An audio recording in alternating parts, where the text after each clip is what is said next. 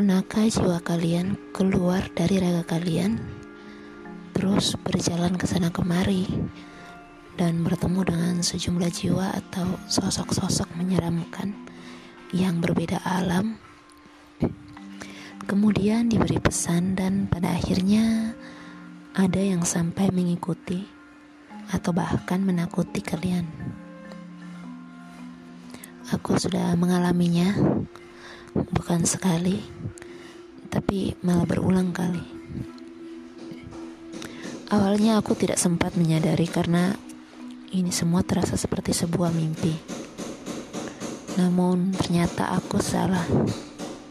Ini bukan sebuah mimpi, tapi sebuah perjalanan dari astral projectionku. Aku selalu percaya bahwa dunia semesta punya caranya sendiri untuk menyampaikan pesan-pesan dari jiwa-jiwa malang dan kesepian. Bumi kini dengan segala keterbatasannya mulai meluburkan diri perlahan-lahan. Keegoisan, keserakahan, ketidakpuasan, bahkan hawa nafsu dari manusia membuatnya terus-menerus sakit dan rusak. Ya, bumi berteriak.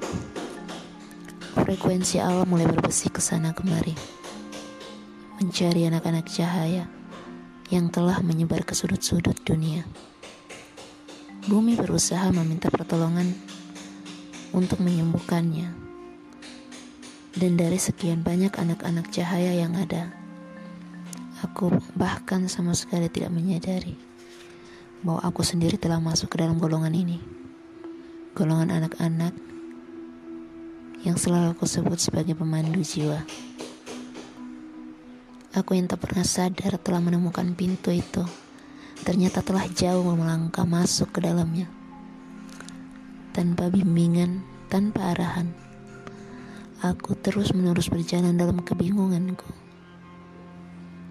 Jauh melesat, hingga aku sadar bahwa aku telah jauh melangkah dalam kesendirianku hingga bertemu dengan mereka, jiwa-jiwa malang dan kesepian yang kalian sebut dengan hantu.